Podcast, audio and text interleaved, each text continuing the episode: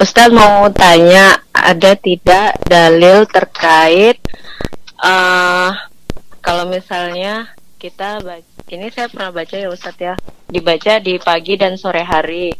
Itu kayak di zikir pagi sore itu terkait sholat kepada Rasulullah Shallallahu Alaihi Wasallam. Yang zikirnya itu Allahumma sholli wa sallim ala nabiyina Muhammad seperti itu Ustadz. Saya pernah baca kayaknya dibaca 10 kali di pagi dan sore gitu.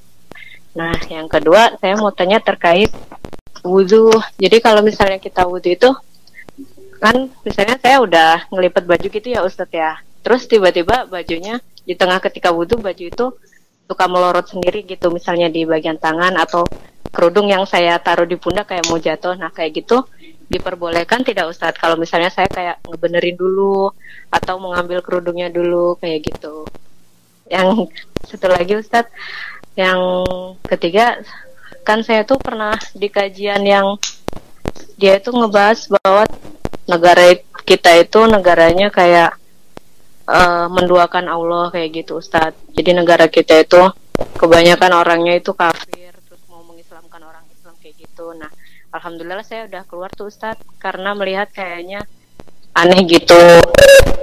Nah, terkait kepada teman-teman saya yang masih ngaji di situ itu sebaiknya saya biarkan saja atau saya coba kasih tahu ya Tat ya soalnya saya pernah dikasih tahu saya jadi agak dimusuhin gitu itu aja sih Ustaz terima kasih assalamualaikum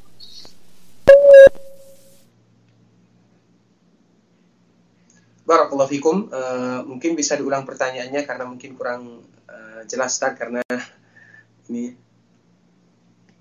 satu-satu aja Ustaz ya. Barakallahu fikum.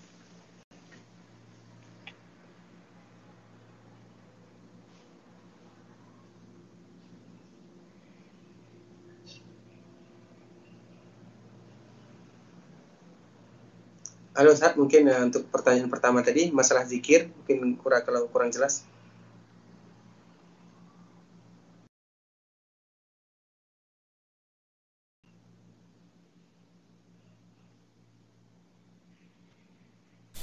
Halo, ya, nam. Halo Ustaz, bisa suaranya ya, diangkat sedikit Ustaz? Afwan, karena terjadi beberapa kendala di uh, di sini Ustaz. Untuk pertanyaan pertama masalah uh, tadi yang pertama sudah menangkap ya Ustaz ya? Berselawat, masalah berselawat. Iya, yang zikir pagi. Halo Ustaz. Terus yang ditanyakan apa tadi Ustaz? Barakallahu fikum afwan Ustaz. Bagaimana uh, uh, hadis status hadisnya tentang yang zikir pagi bersalat itu 10 kali pagi uh, pagi dan petang. Lalu pertanyaan yang kedua perihal wudhu yang biasanya uh, beliau itu suka melorot begitu di tangan dan pokoknya dipakaiannya sering uh, melorot ketika wudhu jadi bagaimana hukumnya kalau dibenerin dulu ketika wudhu gitu. Lalu yang ketiga tadi uh, kajian yang uh, menyebutkan bahwasanya negara ini mendoakan Allah gitu. Lalu uh, alhamdulillah beliau sudah keluar dari kajian tersebut. Lalu bagaimana uh, uh, apa ketika kita me memberitahu teman kita bahwasanya kajian itu tidak tidak benar begitu Ustaz. Nah insya Allah seperti itu Barakallahu fikum wa jazakumullahu khaira ikhwatul Islam rahiman wa rahimakumullah. Untuk pertanyaan yang pertama tentang masalah zikir pagi dan sore yaitu berselawat kepada Rasulullah sallallahu alaihi wasallam. Memang disebutkan di dalam zikir pagi dan sore tersebut kadar minimal kita berselawat kepada Rasulullah sallallahu alaihi wasallam adalah 10 kali di pagi hari dan 10 kali di sore hari. Namun itu adalah zikir yang terbatas dan waktu-waktu yang terbatas dan itu adalah kadar minimal sehingga ketika kita mengetahui ketika kita ingin berselawat kepada Rasulullah sallallahu alaihi wasallam, maka kadar minimal kita berselawat minimal 20 kali di pagi hari, 20 kali dalam siang dan malam. 10 kali di pagi hari, 10 kali di sore hari, sebagaimana yang disebutkan oleh Rasulullah sallallahu alaihi wasallam terutama di dalam zikir yang terdapat di dalam kitab-kitab zikir yang berkaitan dengan zikir pagi dan sore. Dan hadisnya sudah diterangkan di sana bagaimana fadilahnya dan mereka atau mereka yang berzikir mengucapkan Allahumma salli wa sallim wa barik ala nabiyina Muhammad.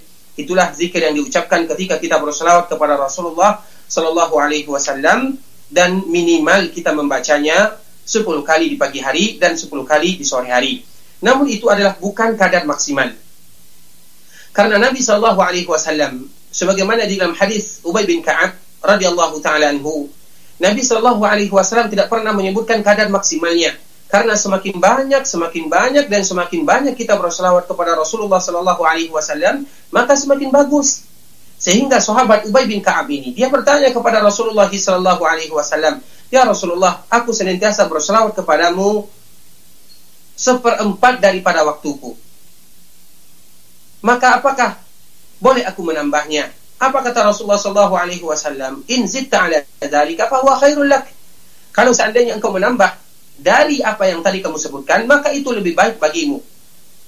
Kemudian sahabat ini bertanya lagi, Ya Rasulullah, sulus. Bagaimana kalau seandainya aku menjadikan sepertiga dari waktuku untuk senantiasa berselawat kepadamu. Maka Rasul menjawab lagi, kalau seandainya itu adalah sesuatu yang baik, namun kalau engkau tambah, maka akan baik lagi. Kemudian dia menyebutkan, setengah waktuku aku akan jadikan berselawat kepadamu ya Rasulullah. Sampai sahabat ini mengatakan, ya Rasulullah, sesungguhnya aku akan menjadikan hari-hariku untuk senantiasa berselawat kepadamu. Maksudnya senantiasa berselawat kepada Rasulullah Sallallahu Alaihi Wasallam mengucapkan kalimat salawat sebagaimana yang disebutkan dan diajarkan Rasulullah kepada para sahabatnya, maka Nabi Shallallahu Alaihi Wasallam menyebutkan, "Idan tukfar zambuk wa tukfahammuk." Kalau demikian adanya, maka engkau akan diampunkan dosamu oleh Allah Azza wa Jalla dan permasalahanmu akan diselesaikan oleh Allah Subhanahu wa taala. Itu adalah di antara kadar maksimal. Jadi Rasulullah tidak pernah memberikan batas maksimal. Batas minimal. Nabi Shallallahu Alaihi Wasallam sebutkan di dalam zikir pagi dan sore dan itu ada diikat. Maksudnya khusus di dalam zikir pagi dan sore kadar minimal kita bersolat 10 kali di pagi dan di sore hari. 10 di pagi hari dan 10 di sore hari. Itu kadar minimal supaya kita tidak hari-hari kita yang kita lewati tidak terlepas daripada berselawat kepada Rasulullah Shallallahu Alaihi Wasallam. Sedangkan kadar minimal Rasulullah Shallallahu Alaihi Wasallam tidak pernah membatasi, tidak pernah memberikan batasan apakah dia 100 kali, 200 kali, 1000, 5000, 7000, 10000 Rasulullah Shallallahu alaihi wasallam tidak boleh memberikan batasan. Semakin banyak maka itu semakin bagus. Semakin banyak itu semakin bagus dan semakin besar pahalanya diberikan oleh Allah Subhanahu wa taala sehingga di dalam permasalahan seperti ini apabila sesuatu salawat tidak disebutkan batasannya oleh Rasulullah Shallallahu alaihi wasallam maka kita pun tidak memberikan jumlah batasan-batasan karena Nabi tidak memberikan batasan. Sedangkan kadar minimal tadi itu adalah kadar minimal supaya kita senantiasa ingat kepada Rasulullah SAW dan berusaha untuk senantiasa berselawat kepada Rasulullah SAW. Sambil kita juga mengetahui bahwa lafaz-lafaz berselawat kepada Rasulullah sangatlah banyak dan dianjurkan serta diajarkan oleh Rasulullah SAW di antara caranya. Sedangkan kadar minimal adalah mengucapkan Sallallahu Alaihi Wasallam. Kemudian untuk pertanyaan yang kedua, ketika seseorang itu beruduk, kemudian ada pakaian yang melorot dan lain sebagainya, maka boleh dia misalnya untuk menyempurnakan pakaiannya, kemudian dia menyambung wuduknya. Karena wuduk tersebut, di antara salah satu syaratnya adalah mutataliyah, yaitu berurutan dan tidak terputus satu sama lainnya. Nah, bagaimana salah satu wuduk itu disebut terputus satu sama lainnya? Misalnya ketika seseorang membasuh mukanya, ketika dia membasuh mukanya, maka ada sesuatu perbuatan yang ingin dilaksanakan. Seperti contohnya membersihkan pakaiannya, atau misalnya membenarkan pakaiannya, atau misalnya ada anak di sampingnya, meletakkan anak di tempat dan posisinya, apakah dia harus mengulang kembali wuduknya tersebut atau tidak? Di sini para ulama menyebutkan ikhwatul Islam, kadar sebuah wuduk dikatakan terputus adalah apabila sesuatu yang tadi kita adalah menyucinya dan membasuhnya itu sudah kering. Misalnya kita membasuh dan mengusap muka kita ini. Kemudian ketika kita membasuh, kita melakukan sesuatu perbuatan yang tidak terlalu lama. Sampai-sampai yang ada di muka ini, atau air yang ada di muka kita ini belum kering. Maka boleh bagi kita untuk melanjutkan dengan membasuh dan menyiram tangan kita. Namun kalau seandainya sudah kering yang ada di muka kita ini, maka kita harus mengulangnya. Sehingga di sinilah disebut dengan mutataliyah. Harus berurutan dan tidak terputus. Nah, bagaimana kadar terputus ini disebutkan oleh para ulama sampai anggota wudhu yang sebelumnya itu tidak kering. Apabila sudah kering, maka dia harus kembali mengulang wudhunya.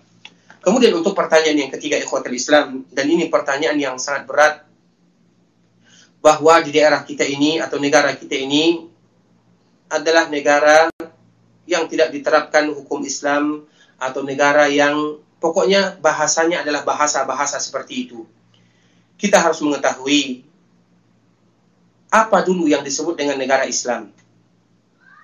Negara Islam adalah negara yang di sana bisa kita melihat secara zahir syiar-syiar Islam.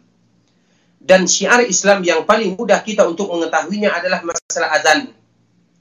Bukankah Nabi Shallallahu Alaihi Wasallam dan para sahabatnya ketika mereka ingin menyerbu dan ingin melihat suatu daerah, maka mereka tunggu dulu apakah terdengar waktu azan atau apakah terdengar mereka azan atau tidak. Karena ini merupakan syiar Islam. Dan di negara kita, Alhamdulillah, dari Sabang sampai Merauke, kita senantiasa mendengarkan lantunan azan, bahkan waktu kita ada waktu Indonesia Barat, ada waktu Indonesia Tengah, dan sebagainya, ada tiga waktu di daerah kita, semuanya berputar. Dan waktu itu senantiasa silih berganti. Ada perbedaan dua menit, tiga menit, lima menit, sehingga lantunan azan ini senantiasa didengarkan dan inilah di antara syiar Islam yang paling jelas. Dan Alhamdulillah ikhwatul Islam, rahimani wa rahimakumullah, mereka yang mengatakan demikian harus mengetahui bahwa negara kita adalah negara yang Islam, yang diterapkan hukum Islam, dan diperdengarkan syiar-syiar Islam. Kita lihat rukun Islam ada lima. Bersyahadat. Alhamdulillah kita mengetahui setiap hari kita mendengar orang bersyahadat. Salat, semua orang melakukan ibadah salat. Masjid-masjid penuh untuk melakukan ibadah salat. Kemudian puasa, kita mengetahui bagaimana pemerintah melihat ru'yah Kemudian begitu juga dengan zakat, bagaimana di daerah kita ada amil zakat, ada Basnas, Badan Pengurus atau Badan Nasional khusus berkaitan dengan zakat. Kemudian yang kelima, masalah haji, bagaimana sulitnya pemerintah kita untuk mengatur di dalam permasalahan ibadah haji. Semua itu menunjukkan dan membatalkan bahwa paradigma-paradigma yang mengatakan negara kita ini agama negara yang mungkin tidak diterapkan atau negara apa pun namanya ikhwatul Islam terbantahkan dengan kalimat atau dengan syiar-syiar dan simbol-simbol yang masih kita melihat di negara kita. Dan pemimpin kita Alhamdulillah begitu juga negara kita, begitu juga syiar-syiar negara kita, begitu juga hukum-hukum yang ada di daerah kita adalah hukum-hukum yang berlandaskan dan berasaskan hukum-hukum Islam. Semuanya berlandaskan dan berasaskan hukum-hukum Islam. Hanya sedikit saja yang tidak seperti masalah hudud dan yang lain sebagainya. Sehingga kewajiban kita untuk menjelaskan mungkin teman kita tersebut mereka mendapatkan syubhat atau mereka mendengarkan syubhat sehingga kewajiban kita adalah bagaimana meluruskan syubhat dan perkara-perkara yang mereka dengar karena bagaimanapun negara kita adalah negara yang sebagaimana tadi telah kita jelaskan sehingga kita betul-betul bisa bersyukur kepada Allah Subhanahu wa taala dan alhamdulillah semua dunia mengetahui bahwa popularitas dan bahwa komunitas kaum muslimin yang terbanyak dan negara yang paling banyak Islamnya adalah negara kita yang tercinta Indonesia. Semoga Allah menjaga kita semuanya.